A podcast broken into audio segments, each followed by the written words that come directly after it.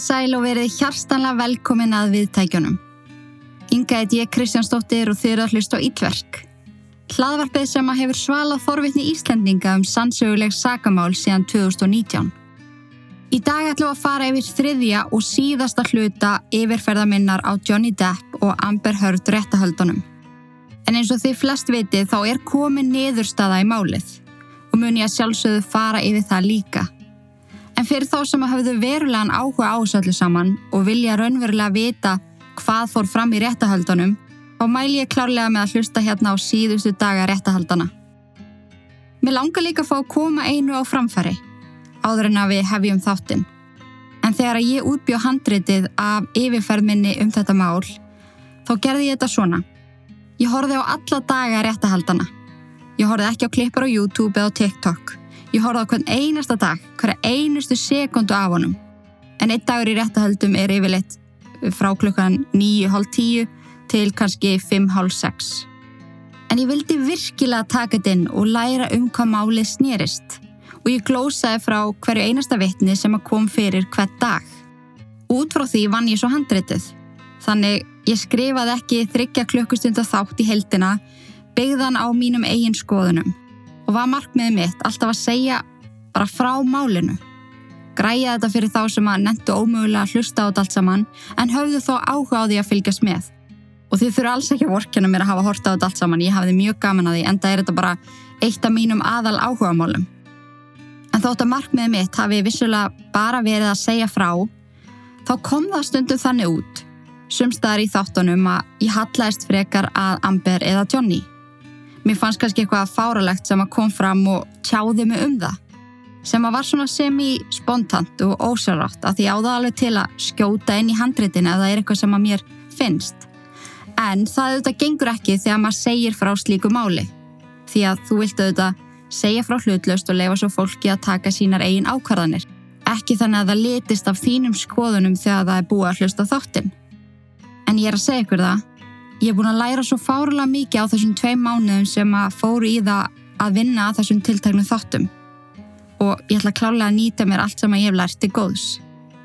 En á þess að fara frekar út í það að þessu sinni þá langar mig að enda þáttin á svona smá texta sem að ég útbjó. Smá svona frá mínu hjarta um hvar ég stend þegar að kemur öllum þeim viðkvæmu en á sama tíma mikilvægu málefnum sem að þessi réttahöld byggja á. Þannig að endilega njóti þáttarins og endi svo á smá kærleiks yngu í endan. Það er nú bara holdt og gott. En þessi þáttur er í bóði 6 langtímalegu og mun ég að sjálfsögðu segja ykkur frá starfsamið þessa frábæra fyrirtækis þegar að líður á þáttin. En ég vil einni minna á áskriftarleið í dverk. En nú er einmitt að detta einn brakandi ferskur áskriftarpakki fyrir júnimánuð. 5 ný áhugaverð mál. En við skráningu farð þú einmitt 5 nýja þætti í hverju mánuði aðgangaði yfir 130 aukaþáttum og þessa fríu vikulegu án auðlisinga. Þið getur til dæmis skráð ykkur og hlusta á algjörlega óklifta þrjá klukkutíma mér tala um réttuðal Johnny Depp og Amber Heard sem að ég skipti niður fyrir ykkur í þessa þrjá parta. Svona ef að þið vilja bara rumpa þess af. En ok, þriðji og síðasti hluti rétt að halda Johnny Depp og Amber Heard. Gjöru þið svo vel.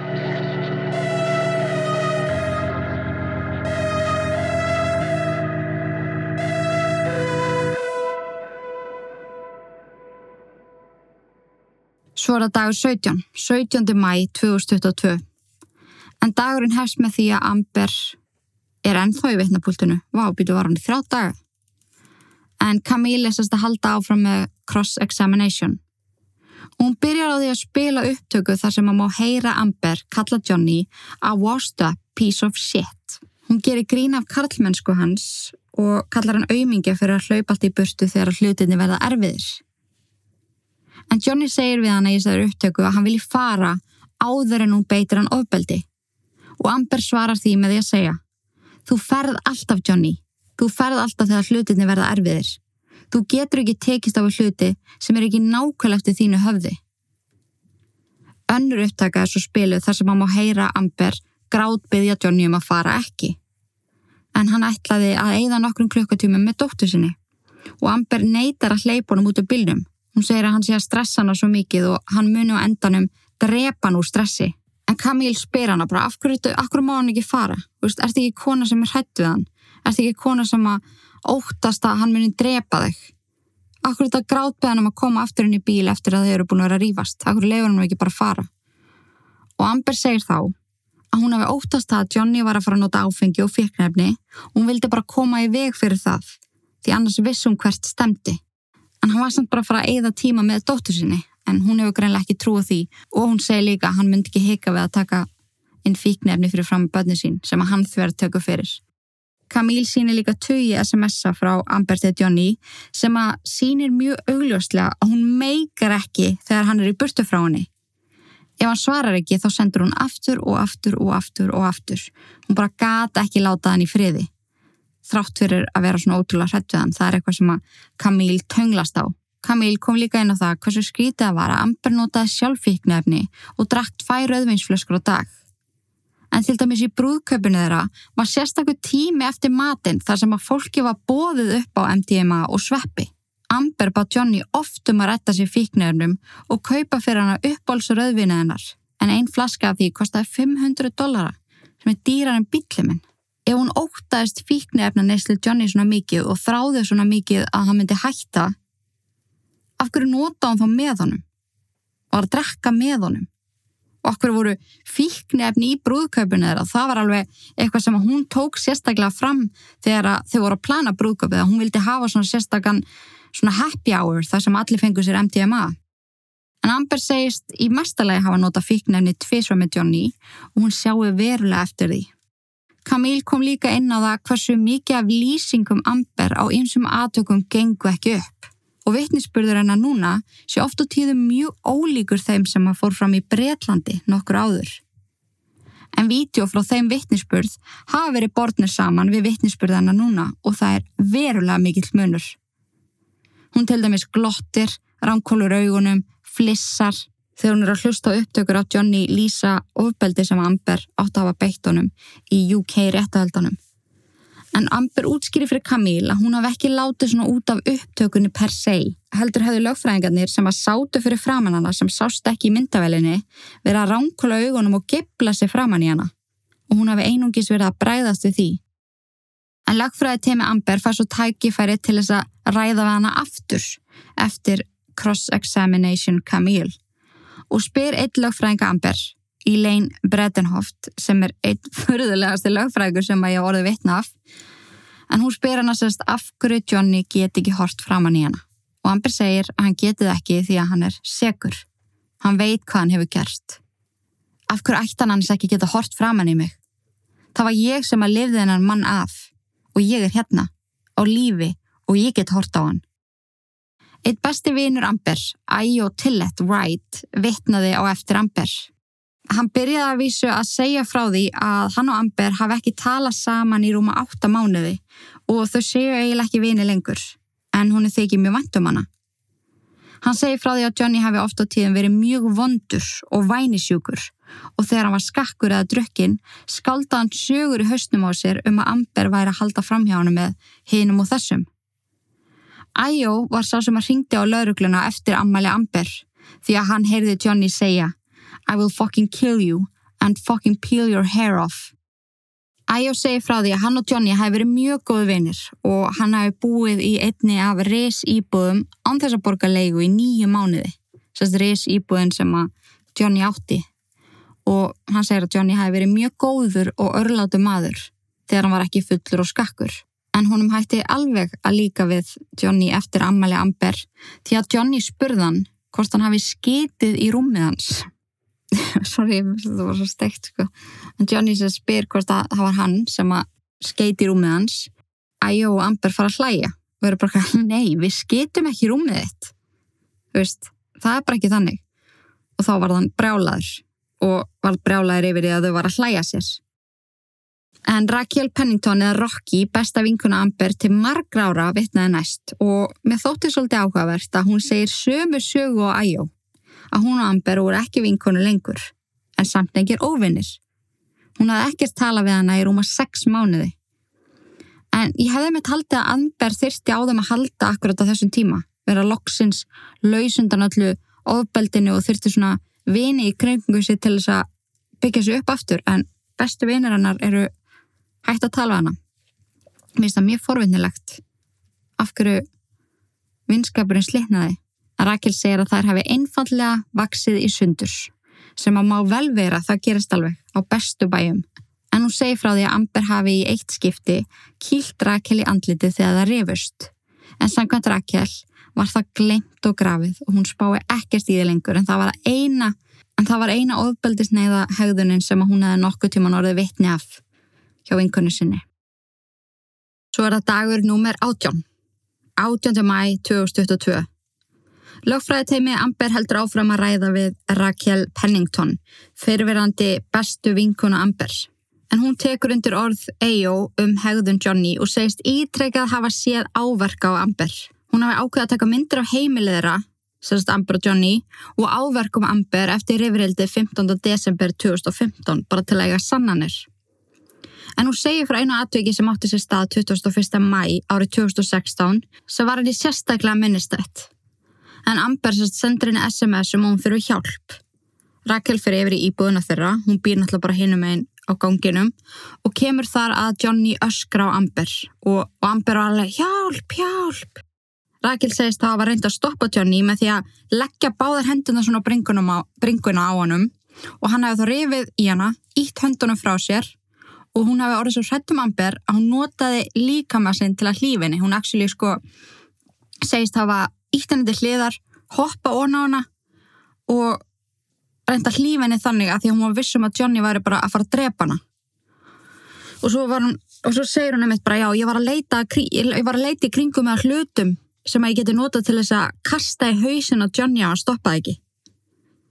Spáði þessu, veist, hún segist að hafa verið þar hrættum að hann myndi drepa Amber að hún var að leita sér eitthvað þungu til að kasta í hausin á hann.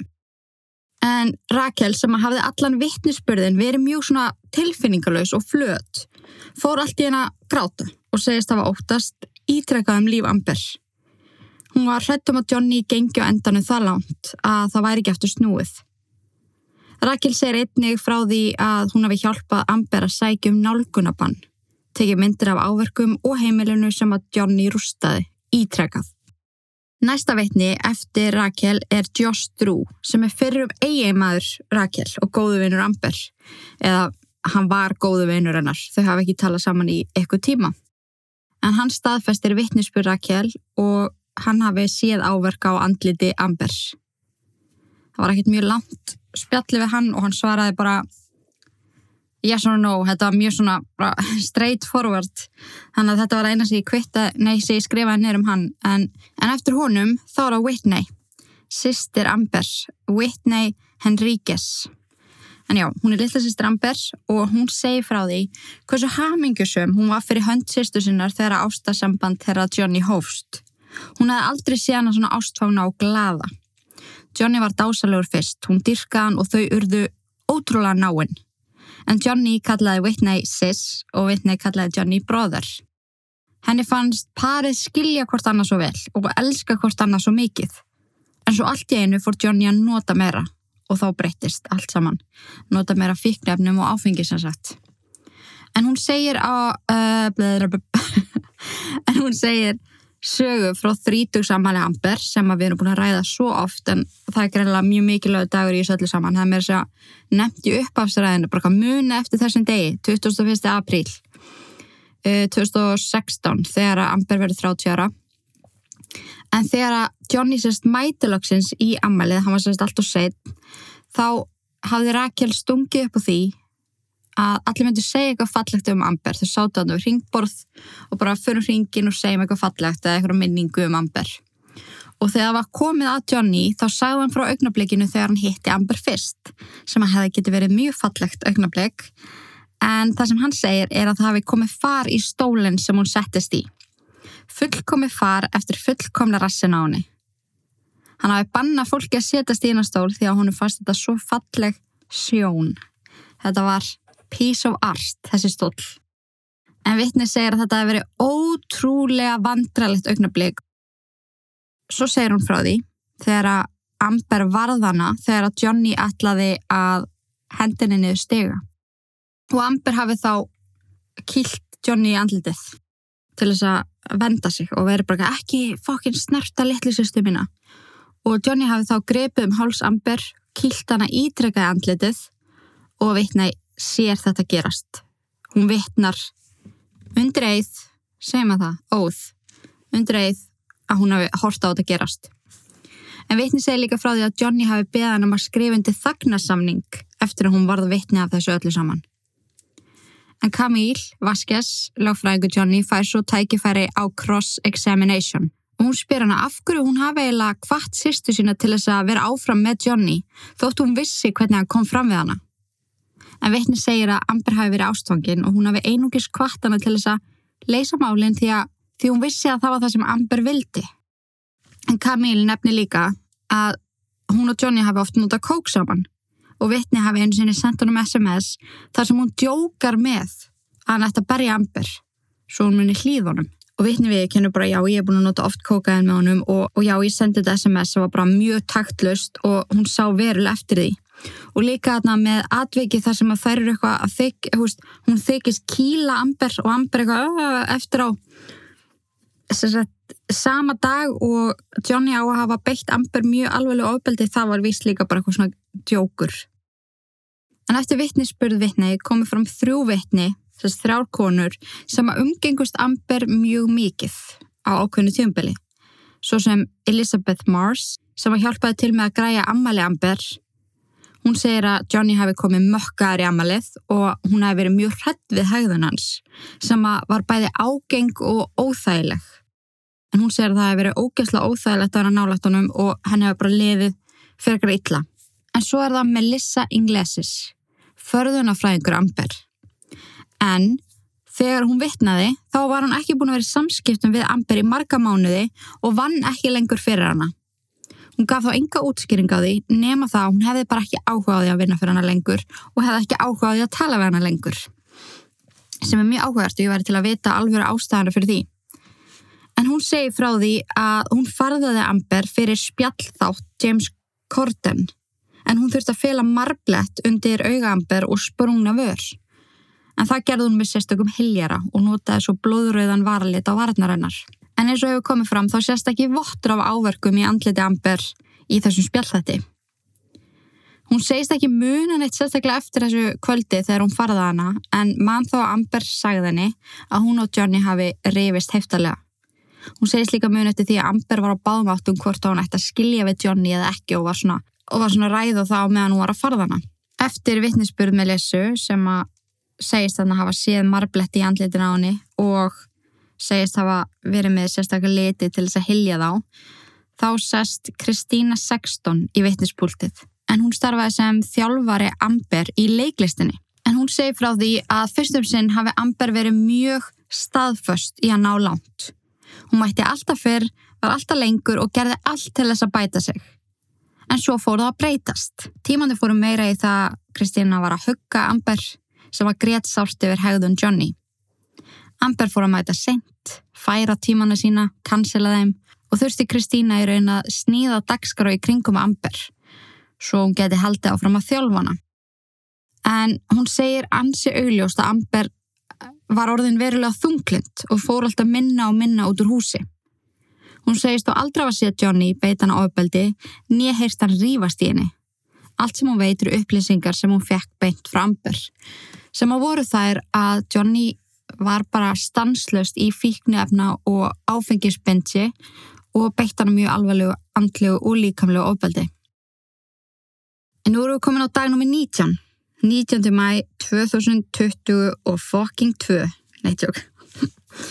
Ellen Baskers fyrrum, já, alveg rétt. Þetta var mjög áhugaverst. Ellen Barker sem er fyrrum kærasta Johnny, hún stígur fram sem vikni, vikni gegn honum og segist muna sérstaklega eftir því þegar að Johnny kastaði henni síni rauðvinsflösku í áttaðinni. Flaskan fór ekki í hana en splundraðist á gólfinu. Ellen og Johnny kynntust við gerð kvikmyndarinnar Fear and Loathing in Las Vegas þar sem að þau leku bæði aðallutverk. Þau hafi svo byrjað saman í kringum 1994 en samkvæmt henni var Johnny nær alltaf fullur og skakkur. Hann elskaði að drekka rauðvin og hjælt mest upp á fíknefni sem að allu ofskinjunum og vöðvarslökun. En hún tekur fram að Johnny hafi aldrei beitt hann á ofbeldi, korki andlega, líkamlega, nýkynferðslega, en hann hafi verið ofsalega afbreyðsamur og bjó oft til sögur í hausnum á sér. En svo einu sinni þá sá hann skrámur eða skráma á bakinn á hann og hann var vissum að þessi skráma hefði komið í kynlífi með öðru manni. Hann var svona jealous típan.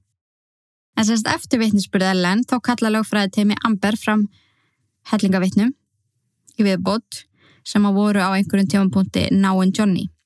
En vittnisspurðið þeirra á að sína fram á persónleika breytingans eftir langvarandi nótkun á áfengi og, og fíknefnum. En svo við rennum snögglega yfir þessi vitni þá er það til dæmis þessi Bruce Witkin sem að ég var að tala um, æskuðinu Johnny en þeir voru búin að þekkjast í yfir 40 árs en þeir hættu að tala saman fyrir fjórum árum þegar að Bruce vittnaði gegn honum í The UK Trial og Johnny fannst hann hafa stungið sér í bakið eftir 40 ára vinnáttu en Bruce Witkin var bara ekki, ég get ekki logið, ég verð að segja satt. En Bruce segist hafa verulegar áhyggjur af helsu Johnny og hann hafi þurft með nöðsula að hjálpa að halda í langan tíma. Hann talar einnig um að hann litist ekkert á þennan David Kippers engalæknir Johnny. Ef hann væri nú almennlegu læknir þá væri Johnny ekki svona mondum málum sem er alveg góða punktur. Hann er með lækni á hælanum allan ársinsring samt einhvern veginn næra sér ekki upp úr the drugs.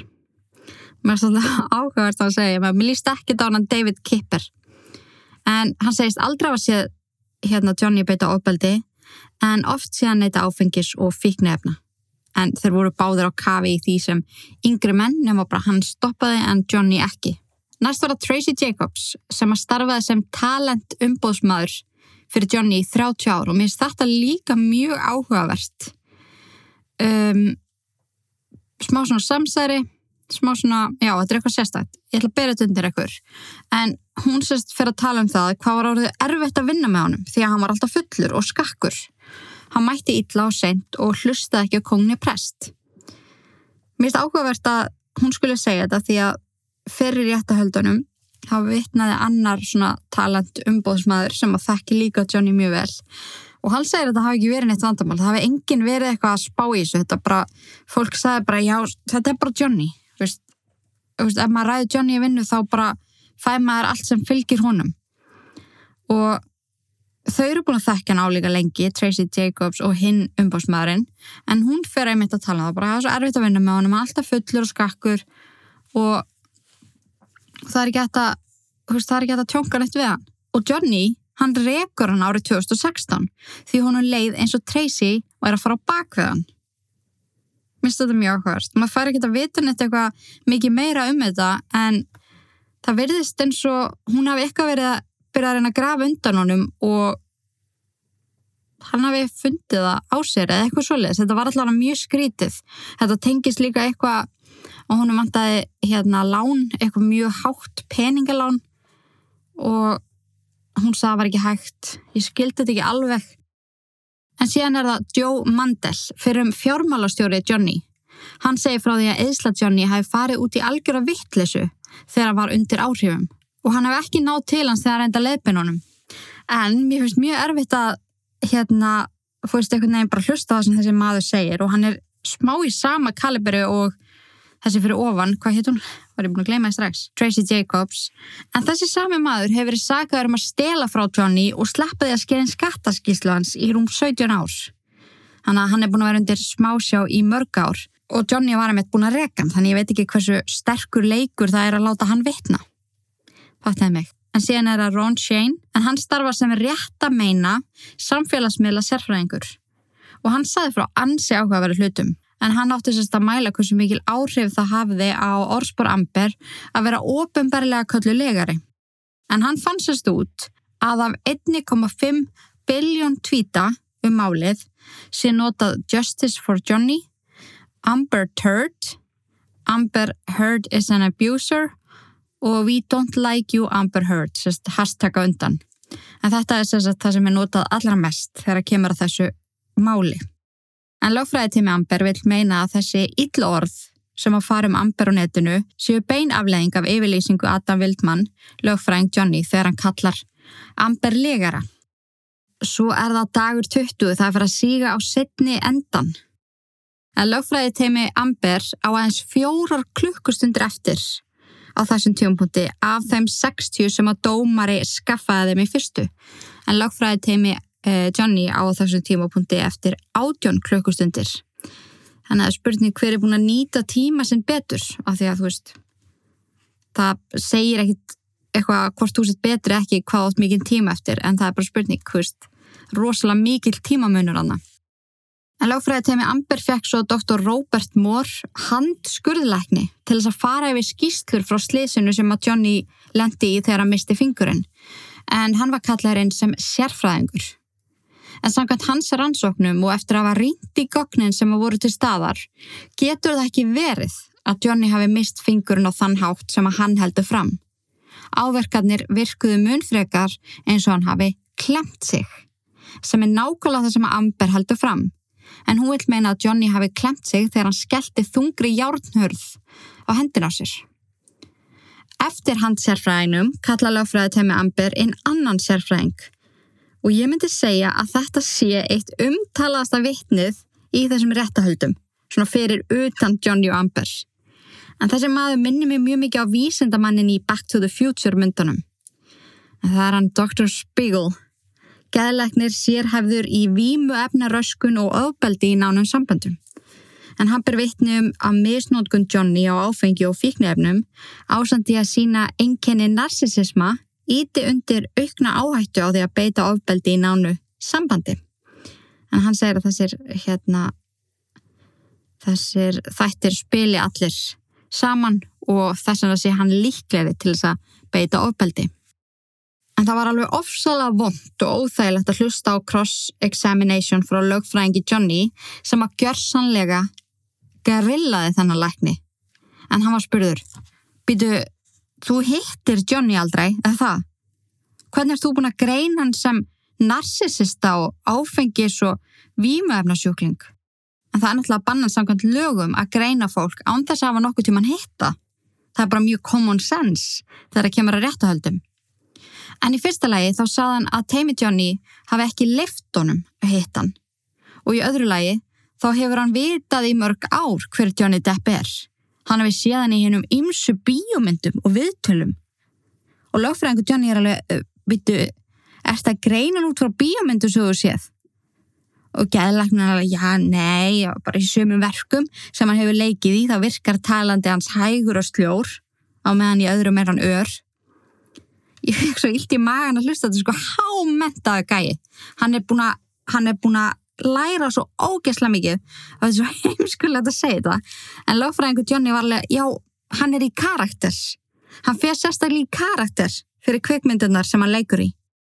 Og viðtöl sem þú hlustur á í sjóarpinu og eitthvað svolítið er oft stuttaklippur og oft teknur úr samengi en það er búið að tala mjög mikið um henn að lækni í fjölmiðlum og búið að kalla hann dóna og sókagikk og furðufugl og Þannig ég veit ekki hversu mikið hann hjálpaði. En eftir Dr. Spiegel steg fram annarvittni frá lögfræði Timi Amber sem var álíka óþægilegt og vittnisspurður hins fyrrnemda. En það er sérfræðingur í skemmtanabransanum, Catherine Arnold. Og ég, ég skildi það persónuleg ekki en hún fekk alveg fullt af hóli eða þú veist hrósi fyrir hvernig hún stóð sig. En hún var náttúrulega rosalega róleg hún var rosalega kurteis og skýr. En ok, hlustiði bara. En hún fullisti sérst að Grein Amber hafi nákvæmlega engin áhrif á orðspór Johnny heldur verið að dreykjan og lifnaðarhátturinn. Þrátt fyrir að annar skemmtir að bransa samfélagsmiðla sérfræðingur síndi línuritt yfir fyrir réttahaldunum sem að síndi hvernig Google eitt breyttist í sambandi við Johnny eftir að greinin kom út. En Catherine vildi alls ekki meina það. Hún heldur fram að Johnny sé ekki hluti á Pirate 6 því það er ekki búið að skrifa handritið og hann veit ekkert um það hvort það muni vera beðin um að leika í myndinni eða ekki. Og ef hann verður ekki beðin um það, þá er það út að drikju og fíknefna neðslu. Hvað sé setn og hvað hann mætir alltaf illa. Og aftur, þá heldur hún þessu fram. Þótt að Disney hafi gefið það út að Johnny muni ekki vera hluti af þeirra starfsemi áfram að þessan Pirates. En ok, svo fær hún sig yfir til Amber. En hún heldur því fram að tekutapið eh, eftir að lögfræðingu Johnny kallaði hann að legara ofinberlega sé í kringum 45 til 50 miljón dollara. En hún fekk þær tölur fram með því að rannsæka fyrir til dæmis Jason Momoa, Zendaya og Gal Gadot sem að henni fannst þess að sambærilegir leikarar, sambærilegir ambers. Lögfræðinga Johnny fengur svo hérna sjans á að tala við hana og, og það er basically spurstuna. Hvaðan farð þú þessa niðurstöður? Hvað ertu að bera saman við feril Amber og hvernig farðu út þessa tölur sem að hún á að hafa tapað? En hún svara að hún hafi borið feril hennar við aðra sambarlega leikara og metið feril hennar fyrir og eftir hún var köllu legari af Adam Waldmann. Og hann er alveg ok. Jason Momoa, hann hefur verið að leika síðan 1999. Þá var hann í Baywatch. Zendaya, hún er svo fræg að hún þarf ekki eins og að bera eftirnafni sitt. Allir vita bara hver Zendaya er. Hún var í Disney sem barn og núna er hún að leika í ofurhetjumyndum. Og Gal, hún leikur Wonder Woman. Hvernig getur þú borðið fyrir þeirra við Amber? Hún var alveg, já, þau eru öll á sama aldri og svona svipum stæði lífinu með svipaða tekjur og Amber og Jason unnu saman í Aquaman og hann fekk gríðarlega launahækkun. Ef Amber hefði haldið hlutverkinu þá hefði hún, hald, hún hlotið sömu hækkun.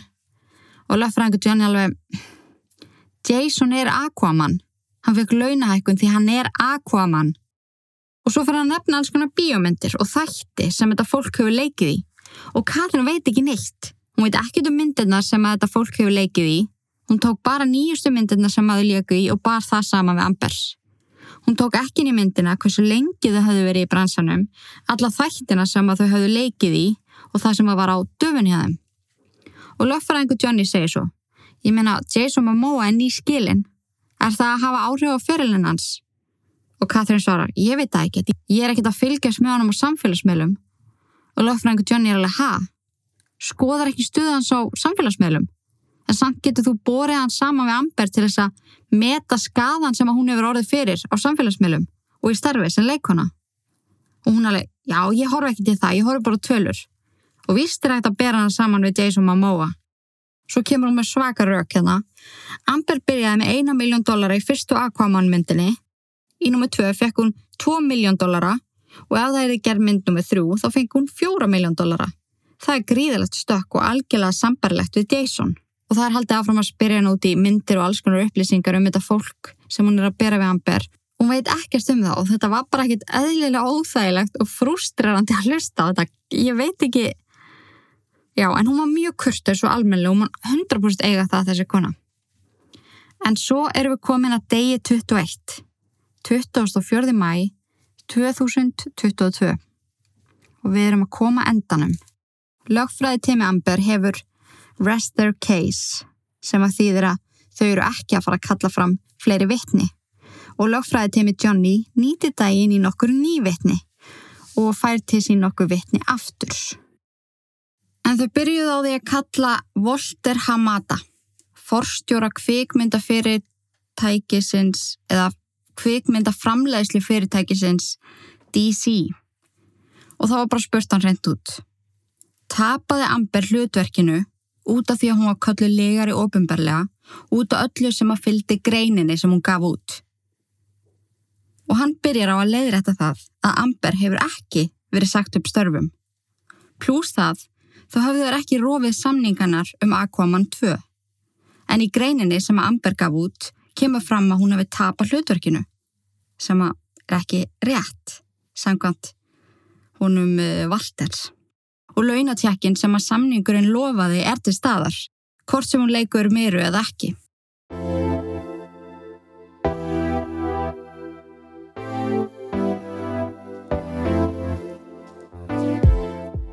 Nú mála henda sér inn á 6langtímalega.is og skoða úrvalið af bílum. Því að á ekki að ferðast svolítið í sumar. Hvort sem það eru jeppar fyrir stórfjölskylduna, smábílar fyrir parið, þá mynd þú 100% finna bíl við þitt hæfi inn á 6langtímalega.is. En ég meina, þú mátt alveg taka rútuna ef þú vilt, ef að planið er að halda áfram bílausum lífstíl í sömar, en ég vildi allan að benda þér á þetta. Og ef að þú átt nú þegar bíl og hann eigður ógisla miklu eða hreinlega hendar ekki í ferðalægið, getur þú bara lagt honum lift honum aðeins að kvíla sig eftir veturinn og rúnt á svöum og bílalegu bíl. En það eru marga góðar lausnir í bóði og vil ég hvetja þig til þess að kynna þér málið. Þið getur svo sagt frá því að þið hlusta á yllverk og þá græja snillingarnir í Sixt fyrir ykkur góðan díl.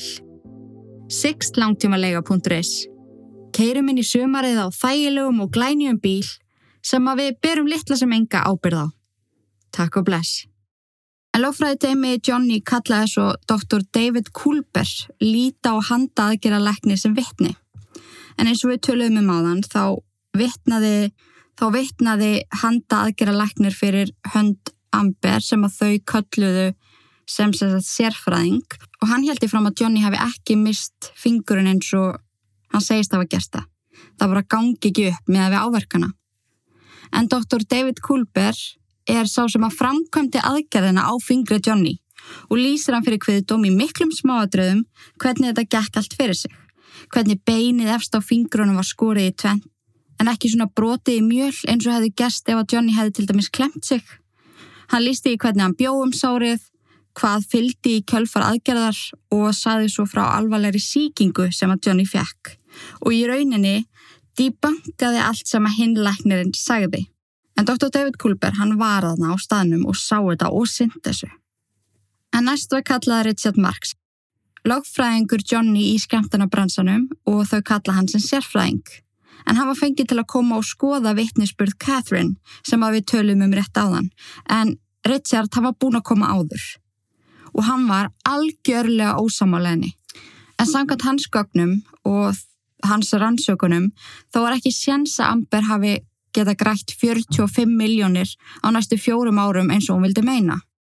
Hennar stærsta kveikmynd kom út árið 2018 og frá 2018 til 2020 hefði hún átt að vera að landa fleiri hlutverkum ef maður ber hana saman við leikara eins og Katrín líkt henni við.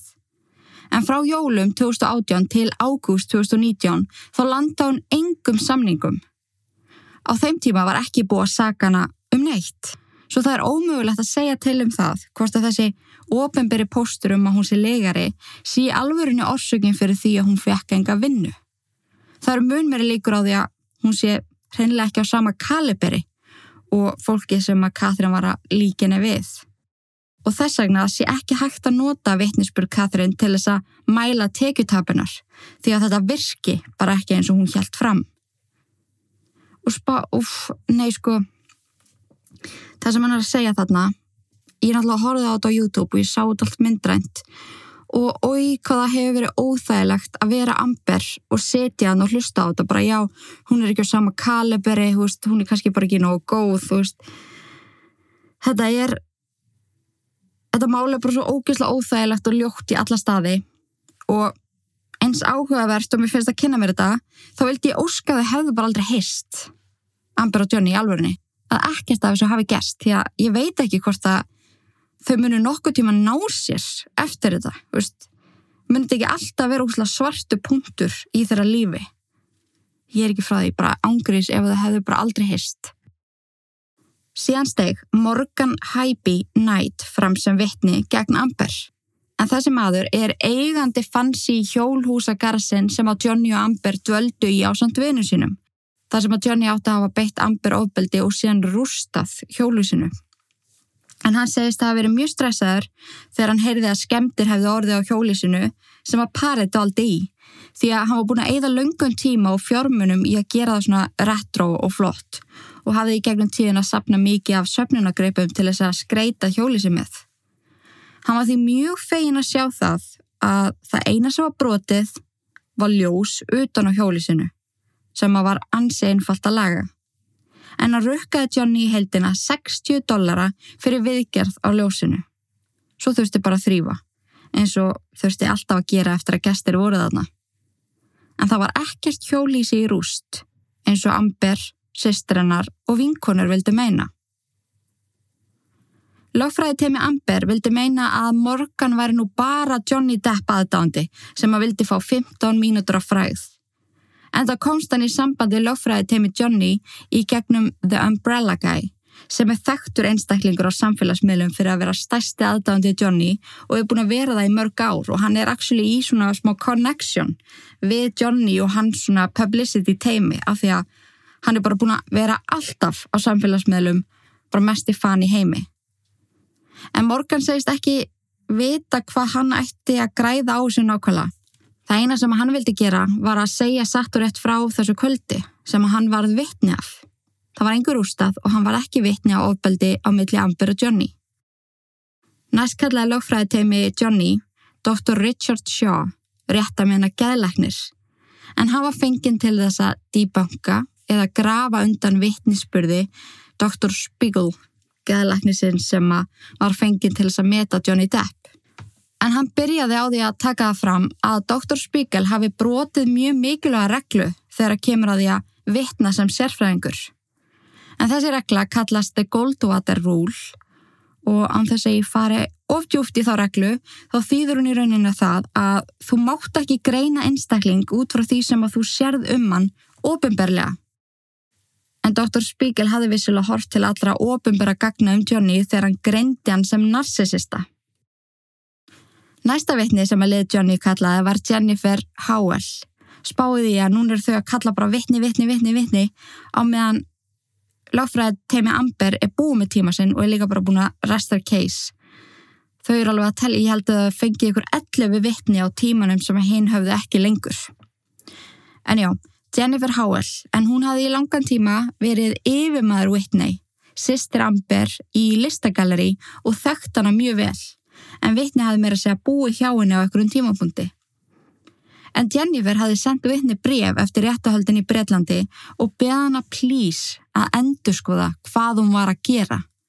Því að Whitney stóð með sýstu sinni og Whitneyði gegn Johnny. En samkvæmt Jennifer hafði Amber misnóta sýstu sinna andla í mörg ár. Bett hana ofbeldi og notaði hana sem bokspúða. Og Whitney lefði henni það og laug fyrir hana í réttahöldunum í Breitlandi. Jennifer var mjög hrættum á að myndi gera það sama í þessum réttahöldum. En vittnei vittnaði svo sannlega gegn Johnny, tók undir sögu, uh, söguna The Staircase, hana, þar sem að Amber segir að hún hefði strax hugsað til Kate Moss og eitthvað. Og vittnei já, málaði Johnny upp sem skrimsli sem að henni þótti einu sinni mjög vantum. Hún talaði líka um það hversu ótrúlega vannarð og veik Amber var orðin eftir að hafa verið með Johnny vannarð og veik og brotin og já, bara hún hefði alltaf þekkt sérstu svona lengur. En það var svo loka deginu með því að kalla Candy Davidson Cordon, forstuðu konu barnaspítalans í Los Angeles. Þánga sem að Amber að gefa 3,5 miljón dollara. Hún staðfesti að spítalanum hafði ekki borist þar fjárhæðir sem að þeim var lofað 2016 og hún hafði heldur ekki fengið neyn skýr svör frá árinu 2016 hvort þetta myndi raunverulega eiga sér stað eða ekki. Hviðdómur fer með þetta baku eirað heimti sín þennan daginn. Dagur 22. 20. og 5. mæ 2022. Johnny sest aftur í vitnapúltið en ég held að þetta sé mjög algeng tekni þegar að líður undir lokur réttalda. Hann er fengin upp til þess að frísk upp á minni kviðdómsins og basically spurður mikilværa spurninga aftur. En hann færa þannig tækifæri til þess að endutaka hversu ótrúlega erfitt það hefur verið síðustu sex ár að burðast um með þessar skelvilugu ásakanir. Og hann, hann er líka spurður að því bara hvernig líður þér eftir allt sem þú er búin að heyra, allt sem hún er búin að sakað um hérna bara í beitni og hann bara hræðilega ég get ekki líst í. Þetta er bara það versta sem ég nokkuð tíman heyrst. Ég var aldrei nokkuð tíman og myndi aldrei beita konu líkamlegu, kynferðislegu eða andlegu áðbaldi. Ég bara myndi ekki gera það. Þannig að hann fekk svona tækifæri til þess að tala smá aftur, minna smá á sig. En Amber átti klála eftir að fá að gera það líka. En næstu eftir honum er engin önnur en Kate Moss sem að vitnaði gegnum Skype frá London en það var Amber sjálf sem að opnaði fyrir það að Kate gæti vitnað með því að nefna stiga aðreið. En málið er að það er aldrei kallað fyrirvændi maka í svona réttahald. Það er mjög, mjög sjálfgeft og það er einhverjar sérstakar reglur með það. En ef að það kemur svona upp að þú veist eins og Amber gerði að nefna hana, þá má kalla hana sem vittni og þess vegna var það gerst. Og hún vil sérst meina hún hafi heyrt sögursagnir um það að Johnny hafi hent Kate niður stiga. En Kate sagði frá því að hún og Johnny hafi verið í sambandi frá 1994 til 1998. Þau hafi farið saman til Jamaica í frí og einn daginn hafi ringt mjög mikið. Hún hrasaði tröppunum fyrir utan staðin sem að þau döldi á, kallaði til Johnny sem að koma bara hann inn í herbyggi og kallaði eftir læknisaðstóð. Og svo endur hann á að segja Johnny ítti mér aldrei, hann sparkaði aldrei í mig, nýja kastaði mér niður stiga. En Johnny hafði sagt Amber frá þessu sjálfur, hún hafði ekki frett þetta neins þar, hann, hann segir sjálfur bara já, ég sagði henni frá þessu. Það verðist eins og hún hafi bara grepið þetta og notað þetta til þess að búa til djús í sögu. Það verðist vera af því að þetta var aldrei eitthvað gossip í Hollywood. Það var aldrei rætt um þetta, við vorum bara tvöðaðna, það sæði enginn frá þessu. En síðan kallaði lágfræði teimi Johnny Depp uh, Dr. Shannon Curry, salfræðingurinn sem að vittnaði fyrir réttahaldunum, þeim muni kannski eftir. En hún var fenginn til þess að fara yfir nýðustur Dr. Sean Hughes sem að greindi Amber með PTSD og mér fannst þetta ógeðslega áhugavert. Allt ángrið svona salfræði tengt er svo áhugavert. En Shannon Curry hafði þarna farið yfir öll gögn Don Hughes og gætt staðfest að hún notaði prófin ekki rétt. Hún notaði ítrekkað tjekklista í greiningaferlinu en það getur verið mjög varasamt að nota tjekklista því það er auðvelt að ígæða að gera lítið úr enginum sem að getur gert nýðu stöðuna skakkar. Dr. Curry segir að aðferðir Dr. Hughes séu ekki við hæfið þegar að kemur að rétta menna sálfræði og hún slætaði yfir mikið af mikilvægum spurningum, slefti prófum og einmitt let greiningaferlið algjörlega stýrast af tjekklista sem er alls ekki nógu nákvæmt í slíkum aðstæðum. Svo myndi ég segja að næstu tvö vetni séu svona með þeim áhugaverðari, allavega á mínum átti. En næst kallaði lókfræði teimi Johnny Morgan Termaine sem er fyrrum starfsmæður slúðurpressunar TMC. Pressan sem að hafi marg sinnis borið fréttir af Johnny og Amber en hann segi frá því að hann hefði fengið e-mail á sitt persónlega vinnu-e-mail af Johnny kýla í skápana í eldusinu, senda frá e-maili sem að hann þekkti ekki. En eins og við veitum þá var það Amber sem að tók þetta vídeo upp á sinn síma og hún átti þetta vídeo. Þetta myndband var svo byrst kortiri eftir honum barsta. En hann segir einnig að hann og hans paparazzi teimi hefði verið látan vita þegar Amber fór í dómshúsið og sóttu um nálgunabann gegn Johnny. En það náðust myndir af henni með Mari andletinu. Og mér langar að koma inn á mjög áhugaverðan punkt. Í réttahaldunum í Breitlandi þá missir Amber það út úr sér að hún hefði viljað láta Johnny vita að hún ætlaði að segja um nálgunabann því að það var búið að gera TMC viðvart. En í þessum réttahaldum vildur meina að TMC hafi ekki verið látið vita. Allavega ekki henni.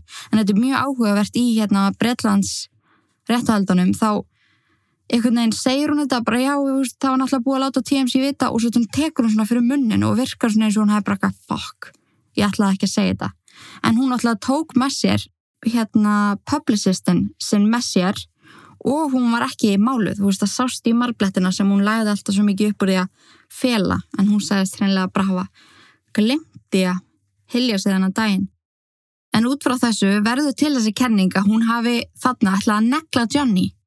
En þegar hún sérst þarna fyrir utan dómshúsið, þá voru sex dagar liðnir frá því að hún hafi hitt Johnny síðast. Þannig að þetta er svolítið ákveðavert. En hvernig vissi TMC að hún var að fara í dómshúsið? Það er alveg spurning, en Morgan segir allavega að TMC hafi fengið ábendingu frá þessu óþægta e-maili.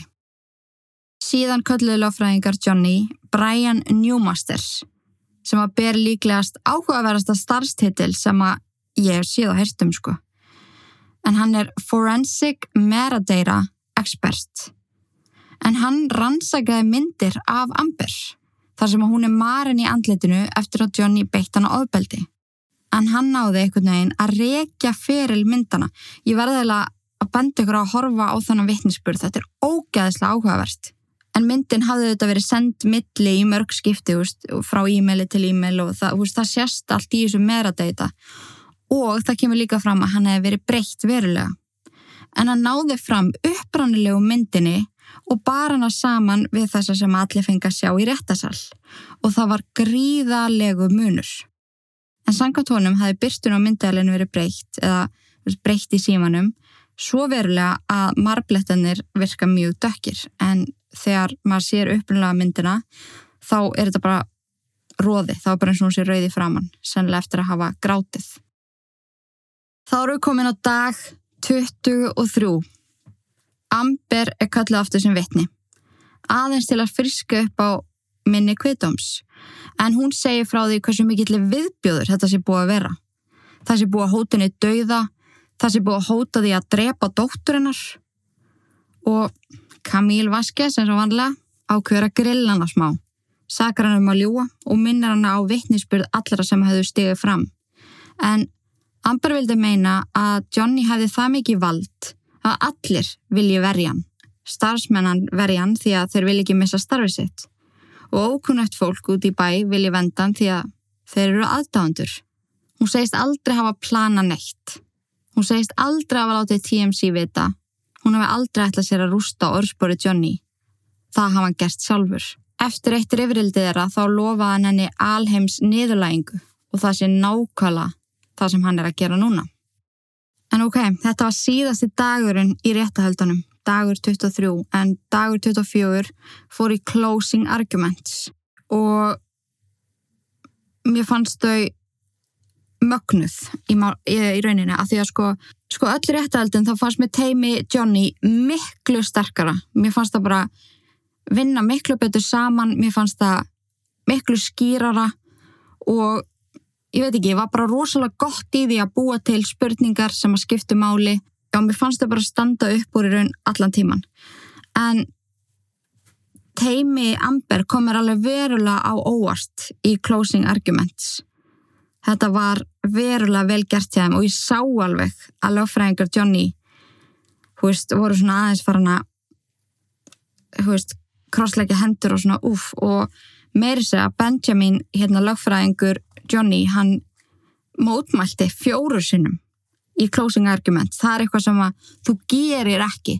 Ef þú veist, þú ert að forðast það eins og heitan eldin nema að þessi gjörsulega verið að trafka á ykkurum upplýsingum eða að segja ósatt.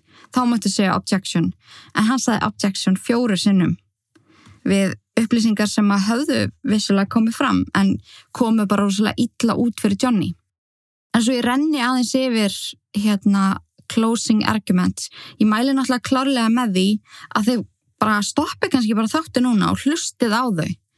Þau eru, jú þau eru alveg smá laung en þau eru mjög áhugaverð og það er ekkert svona óþára upplýsingar þar. Það er allt bara straight forward, bara málið sett upp og að þið viljið hérna kynni okkur þetta ótrúlega vel þá mæli ég með að hlusta og svo getið þið bara komið aftur í þáttin en við getum líka farið eins yfir þetta saman hér um, ef við byrjum á hérna liðinast Johnny en Camille byrjar það er náttúrulega mynd hérna hviðdám á það hvaða er sem að þau eiga að vera að rína í en svo við rifjum það líka upp fyrir okkur þá er sérst, mál Johnny það að hann á að sanna það að Amber skrifaði um hann í greininni. Það er basically það eina sem hann þarf að sanna. Bara hún skrifaði þetta um mig í þessari grein og svo eru þau náttúrulega að reyna að sanna það að, að það sem hún segir um hann sé ekki satt. Að því þau, við, að því þau eru vissum að hún sé að tala um hann, fattiði mig. En basically í grunninn ég þarf að sanna þetta, hún skrifaði þetta um mig. Á meðan Amber hún þarf að sanna það að með því að vera kölluð legari og með því að fá á sig þessar ásaganir hafið það eðilagt fyrirlinnar bara það sem að Johnny gerðinni það, hérna, og Adam Waldmann það eiðalaði fyrir henni. Þetta er bara það sem þau þurfa að sanna. En ef maður spári í þá eru sex vikur óslega langur tími til að komast að þessum tveim spurningum. En máli er af því að þau vil ekki svara þessu beint út eða þú veist neyta fyrir það þá þarf að fara svo mikla krókaleðir til að þú veist komast að því hver viljin var á þessum tímapunkti þegar þau gerðu hvort öðru þetta, þú veist hvað var að gerast þannig þegar hún skrifa pistilinn, hvað hafi gæst þannig tveim árum áður þegar hún segist hafa orðið hérna þólandi ofbeldis og allt það.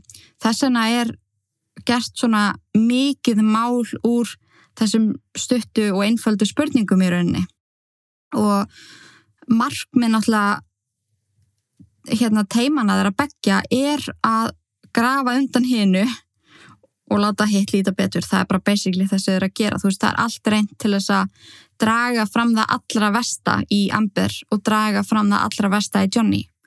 Þau bera hag hins aðeins ekki í brjósti sér af því að þau vilja vinna þetta. Þau vilja vinna málið. Og maður fekk ofta tilfinninga bara vákaði geti verið ógeðslega vægðalauðs, bara hvernig getur þú veist eins og þegar Camille var að tala um hérna atvikið þegar Amber uh, segist að hafa verið nöðga með flösku, þú veist bara hvernig gætu hún bomba þessu svona framann í hana? Spáðið því. En það er bara rosalega mikil væðalessi og ég held að þú getur ekki verið meðverkur löffræðingur, þú þarfst að vera bara svona jepp, þetta er bara það sem ég vinn við og þetta er bara það sem ég þarf að gera núna. Ég held að ég geti ekki persónulega. Löffræði teimi Johnny byrjar hérna Camille byrjar og það sem hún fer í er bara að sannfæra fólk og minna fólk á það að það var Amber sem að beitti Johnny áðbeldi og hún var svolítið að vinna með að leifa fólki að heyra upptökur en það eru til einmitt eins og ég segi alveg hellingur upptökum af Amber. Bara að haga sér undarlega og er svona bara að gera lítið úr Johnny og svona espan upp og svona potjan fattiði mig? Og já, húst, hún vil meina að hérna, myndlíkingin sem hún kemur með í pistlinum hann að ímyndi ykkur valda mikinn kall sem skip eins og Titanic sem að siglir á hérna ísjaka veist, fólki í skipinu fer á fullt að reyna að laga skipið en ekkit endilega því að þeim þykir svo vendur skipi heldur. Veist, líð þeirra stólar á skipið, fattiði mig?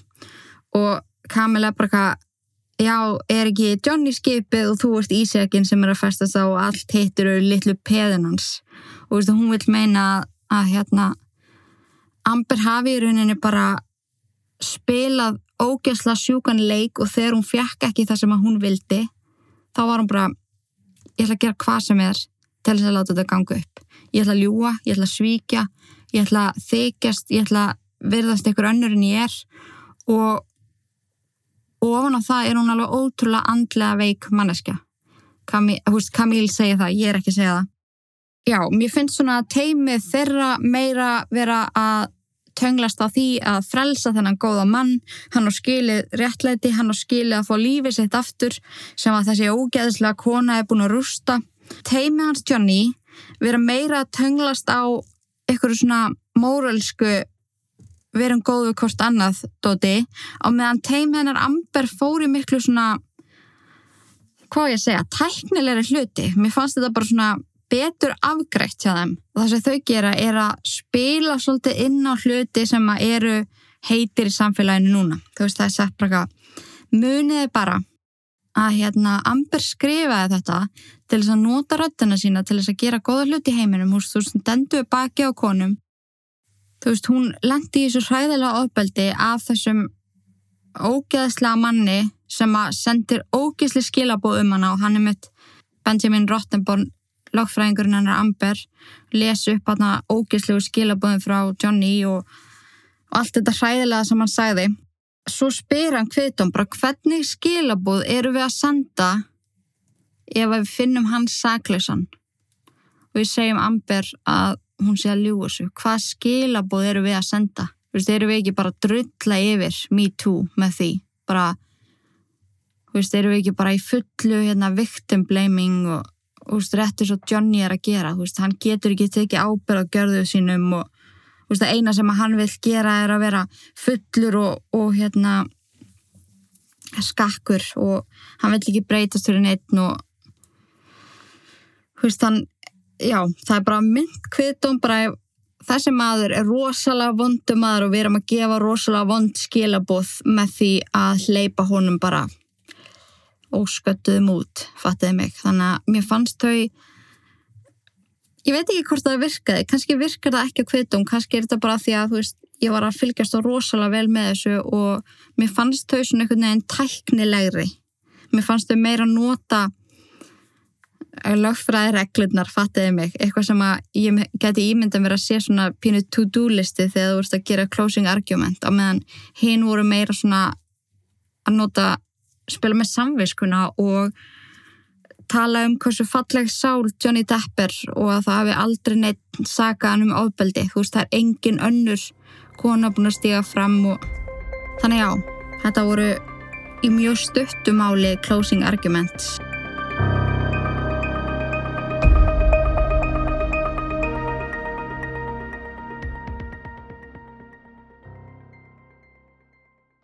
Miðugudaginn 1. júni 2022, eftir rúma tvo sólarhinga í yfirferð og sönnunagögnum, hvað kviðdómsnemnd upp þann dóm að bæði Amber og Johnny væru ábyrg fyrir meðirðum í málaferðlum sínum gegn hvort öðru.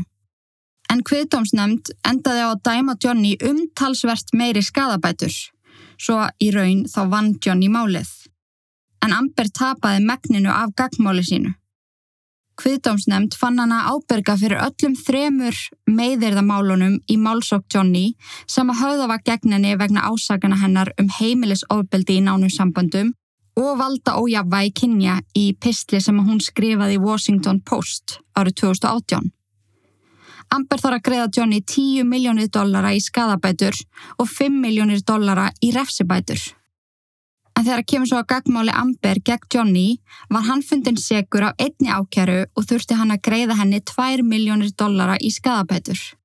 En svo ég segi ykkur nákvæmlega hver vann hvað og hver tapaði hverju. Og ef við byrjum bara á Johnny þá náði hann samkvæmt kviðdómsnefnd að sanna það að þessi yfirlýsing úr grein Amber sé um hann. Og þessi yfirlýsing kljómar svona. I spoke up against sexual violence and faced our culture's wrath. That has to change. Úr sama pistli kemur svo fram þessi yfirlýsing sem að hann náði einnig að sanna værum hann. Then two years ago I became a public figure representing domestic abuse and I felt the full force of our culture's wrath for women who speak out.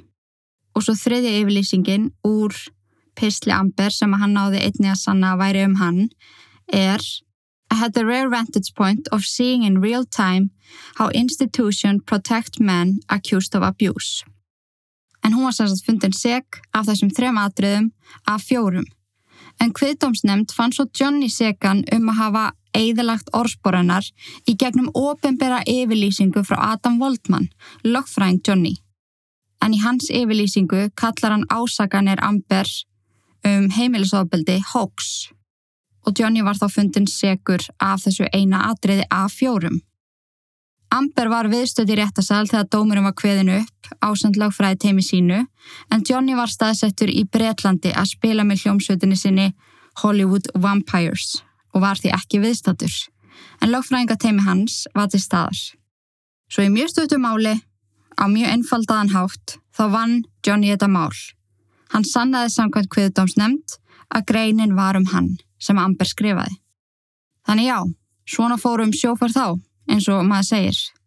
Ég vona ég hafi náða að útskýra þetta allt saman nokkuð vel fyrir ykkur. En núna langar mig að deila með ykkur örlítilli orðræðu sem að ég setti saman. Því að þótt að markmið mitt með þessu öllu saman hafi einungis verið að segja ykkur frá réttahöldanum og hvernig allt gekk fyrir sig. Einungis með þeim gögnum sem að ég sankaði að mér með því að glósa frá öllum dögum, finnst mér mikilvægt að þið viti hvar ég stend og hvernig mér líður með þetta allt saman.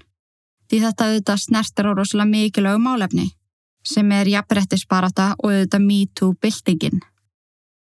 En ég tók síðustu viku í að setja saman smá texta og ég vona þið sjáuð hvaðan ég kem og hvar ég stend í þessu öllu saman. Ef að þið nenni ekki að hlusta á þetta, þetta er smá svona kærleiks hjál og svona spekulanta hjál, þá megið endilega bara stoppa þáttu núna og hægt að hlusta. Þið eru búin að fá að heyra nokkur meginn allt sem að uh, ég hafi sapnað um þetta mál. En ef þið viljið hlusta áfram þá bara endilega. Ég held að þetta sé bara gott fyrir okkur öll að heyra. En það síðasta sem að ég vil gera sem ynga í yllverk er að gefa fólki rött og stall sem á það ekki skilið og mögulega ræna þólendur, sinni rött, eða grafa undan þórið þeirra um að segja frá, hérna í þáttunum. Og ég vil bara segja að ég trúi þér og ég stend með þér, elsku þólandi. En fórildra mín kentu mér að bera virðingu fyrir náunganum. Allir eiga sína sögu. Allir hafa sinn djöful að draga. Undir venjulegum kringustæðum fer ósætti fram á milli tvekja einstaklinga, svona vanalega. Nefnum auðvitað aðstæður séu það slæmara utan að komandi hjálp er óhjákvæmileg. Skilnaða Johnny og Amber pluss allir eftirmálar fóru fram fyrir augum heimsins. En eins og við vitum þá búa 7,7 biljónir einstaklinga í heiminum. Einstaklingar sem að lifa við alls konar lífverðni. Einstaklingar sem að hafa alls konar skoðanir, ólíka menningu, mismunandi skilning. Ef allur heimurinn ætti í sammenningu að taka ákvörðun um eitthvað málefni, myndi skoður næsta manns hafa áhrif á þína. Því það er í mannlegu eðli að fylgja hjörðinni því að við viljum ekki enda einn og yfirgefin. Og svona hefur þetta verið frá því að vorum frumbyggjar. Hjörðin er það sem við treystum á.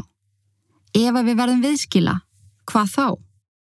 Svo þegar að manneska er mötuð með einhverjum upplýsingum, er alls ekkit skríti að þessar upplýsingar verði á endanum ákveðin sannleikur fyrir henni.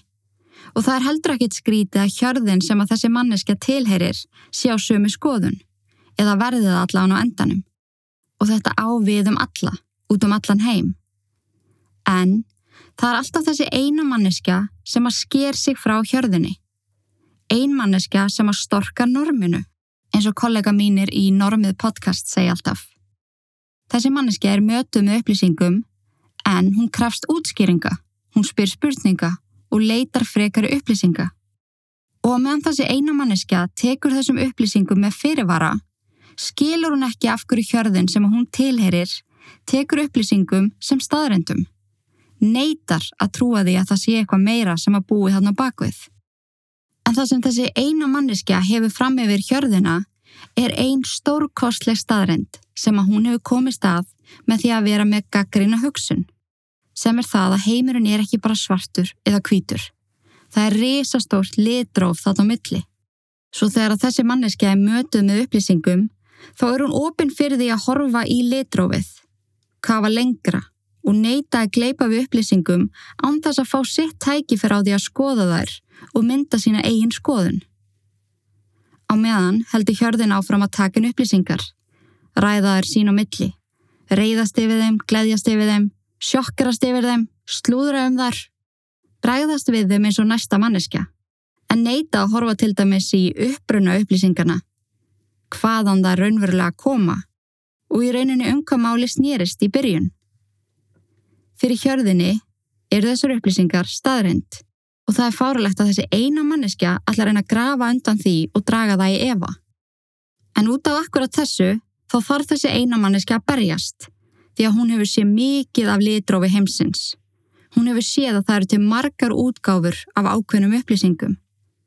Henni langar svo að fræða hérna Allavega hann bendaði má að gleipi ekki við öllu án þess að skoða hann eitt nánar.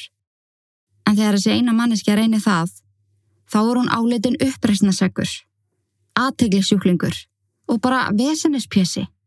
Sestu niður og verðt eins og við og hætta hræri öllu. Taktu var þessum upplýsingum, þær eru til staðar og það er ekkert meira aðná bakvið. Hann segir þetta sér svona, hún segir þetta sér svona, þau segja það öll. Og hvernig ætlað þú þá að halda ykkur öðru fram, þarna vesenis pjessi? En hvað á ég við með nákvæmlega þessu? Jú, það sé á við er að því fleiri sem hafa gaggrina hugsun og neyta að gleipa við upplýsingum sem að hjörðin hefur betið í sig, því umfangsmeiri verða breytingarnar í heiminum. Því klárari verður við að meta aðstæður og koma þannig í veg fyrir hluti sem geta skadað út frá sér. Eitt af mikilvægasta sem að við eigum er að geta myndað eigin skoðanir og það er okkar ábyrð að vera ofinn fyrir litrófinu, vera ofinn fyrir því að læra af öðrum, hafa gaggrina hugsun, því að við viljum ekki staðna í því að heimurinn sé svartkvítur.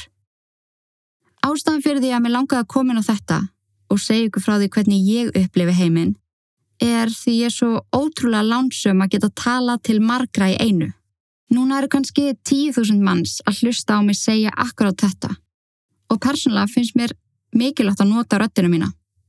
Ég er sögumadur og það er það sem ég lifi fyrir en ég er líka spekulant og legg gríðarlega mikið upp úr því á hverjum einasta degi að vera góð manneskja og eins og ég sæði í byrjun bera virðingu fyrir náunganum. Í tengingu við Johnny og Amber réttahöldin þá er staðrendin svo, sama hvað hver segir að annar aðilinn fór inn í þessi réttahöld sem hjartaknúsarinn Johnny Depp, eitt frægasti leikari heims sem hefur verið inn í lífi svo margra í rúm 30 ár. Hinn aðilinn í málinu er Amber Heard. Hún er með mun minna fanbase, mun stittri feril, oft á tíðum frekar illa séð því að hún áða til að vera ofinberlega mjög leiðileg við fólk. Hún áða líka til að koma illa fyrir. Og þessi réttahöld hjálpuð hann ekki neitt. Ég veit ekki um neitt sem að fannst vittnisspurður hennar sannfærandi. Andlits tjáningarnar. Hvernig hún starði á kviðdóm. Þetta sattist ekki vel í fólk og ég hef ítrekka heyrst að Amber sé á þessum tímapunkti einn hataðasta kona í heimi. Hvert sem þú ferð á internetinu sérðu fólk óska Johnny til hamingi með sigurinn. Loksins er hann laus við þessa eitruðu, kolrugluðu kettlingu úr lífi sínu og getur vonandi haldið áfram að vera indislegi Johnny Depp. Á meðan orðuraðan um hana á netinu er viðbjósleg. Fólk vil að hún drepi sig. Fólk talar um að setja barniðanar inn í opn segir að hún eigi ekki skilja að anda sér sama andrumslofti og heimurinn. Umtalið um hana er algjör horror. Ofan á það er búið að klippa til hinn ímsu vídeo af henni úr réttasall, skrumskjala þau og taka úr samhengi og því dreftum internetið og fólk klæraði. Hún er bókstala að fá verri útreið en morðingjar og stór hættulegi glæpamenn. Og ef við spáum í því, er þetta mál ofsalega svarkvít. Þú annarkvort elskar Johnny út af lífinu eða þú hatar Amber. Litrófið er ekki til staðar. Og ef að þú hefur annars konar skoðanir eða þið langar raunverulega að velta þessu betur fyrir þér, skoða litrófið, þá nennir sem engin að hlusta á þig. Því að svona er þetta bara. Þetta var sannað í réttasall. Fólkum allan heim er alveg tilbúið að gleima réttahöldunum í Breitlandi þar sem að Johnny var fundin segur um heimilisofbeldi og því að það liggi yfir honum ákjara frá manni sem að starfaði með honum á setti, maður sem að Johnny barði. Fólki líka algjörlega til í að hunsa það í gegnum réttahaldin kom það ítrekkað upp að mögulega væri Amber með mjög alvarlega persónleika raskun. Glimti við virkilega skadaða andlega helsu. Fólki líka alveg til í að sleppa að spá í þeirri staðrenda þau voru tvö saman í sambandi. Þeirra á milli fóru fram alls konar samræður, alls konar lofórð alls konar hluti sem að við vitum ekki dum. Þetta átti náttúrulega aldrei að fara fram í sjóarpunu. Þar sem að fólk hatt fylst með versta tíma lífs þeirra begja, sem eitthvað gaman þátt. Og ef maður spáur virkilega í þessu, þá er þetta frekar sjúkt. En algjörlega burt séð frá þessu máli er svo mikilvægt að við séum með gaggarina hugsun. Við megum ekki býta það í okkur að hlutir og upplýsingar séu svartkvít. Ef að ykkur haga sér undarlega, til dæmis eins og hvernig Amber hagaði sér í vittnapúltinu, þá þýðir það ekki að hún sé legari. Það er alls ekki það sem á að neglana. Sönnunagögn er það sem á að negla fólk, ekki hvernig það lítur út eða hvað það gerir. Því að í rauninni eru við öll keksrugluð á okkar hátt. Ég til dæmis á það til að fara að hlæja þegar mér eru sagðar alvarlega frettir. Ekki því mér finnst það svo fyndið, heldur þá fara bara ykkur að skrýtna tilfinningar á stað og ég enda á því að skella upp úr.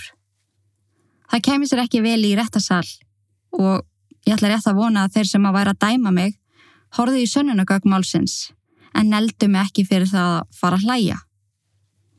Og líka eitt, af hverju megu við ráðast á fólk sem er fundið segt um eitthvað?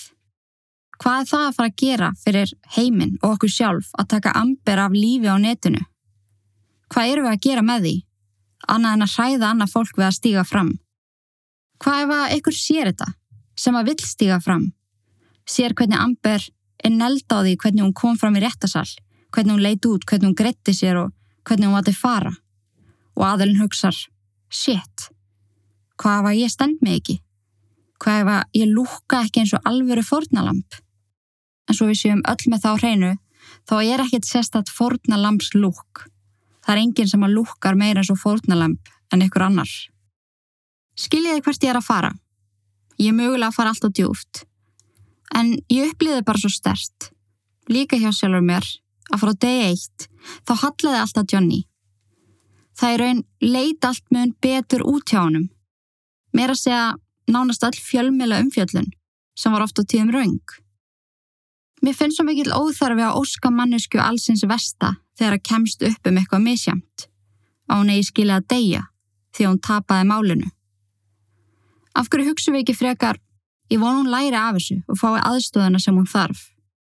Eða ég veit að það er meira átna bakvið, við fáum ekki að sjá allt og ég vona þessi fólk til staða fyrir hana.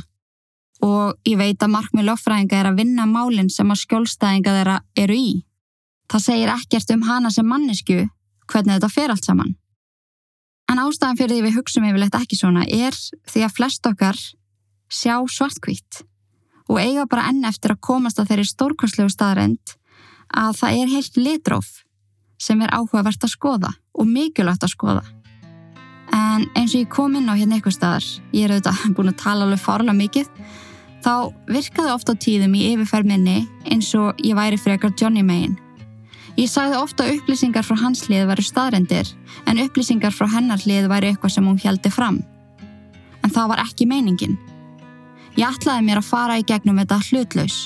En það átti ótrúlega erfitt með að halda með einu öðru en réttlætinu sem að ég vona þau munu bæði öðlast.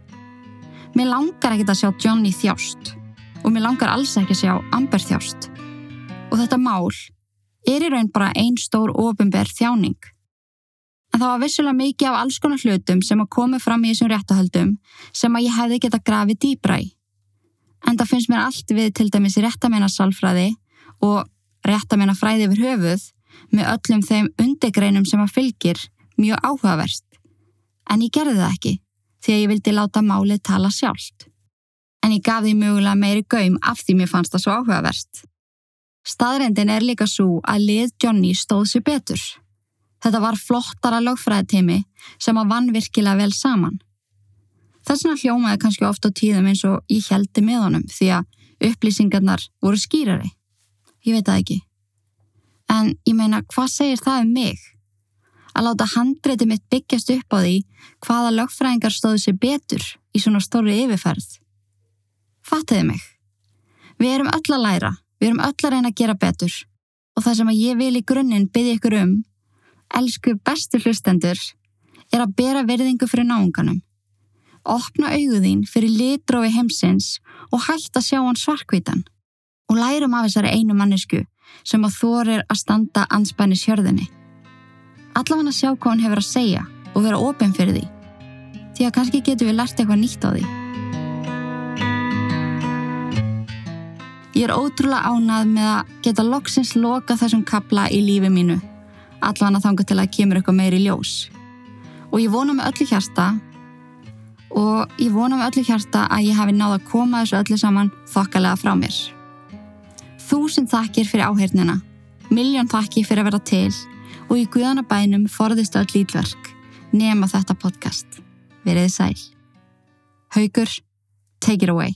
Sættu sjöfið og þú dóttir eftir lukku Kýta sáli sem í djúpa hafi sökku Gangin lífi 666 andast uppu Sættu sjöfið og þú dóttir eftir lukku.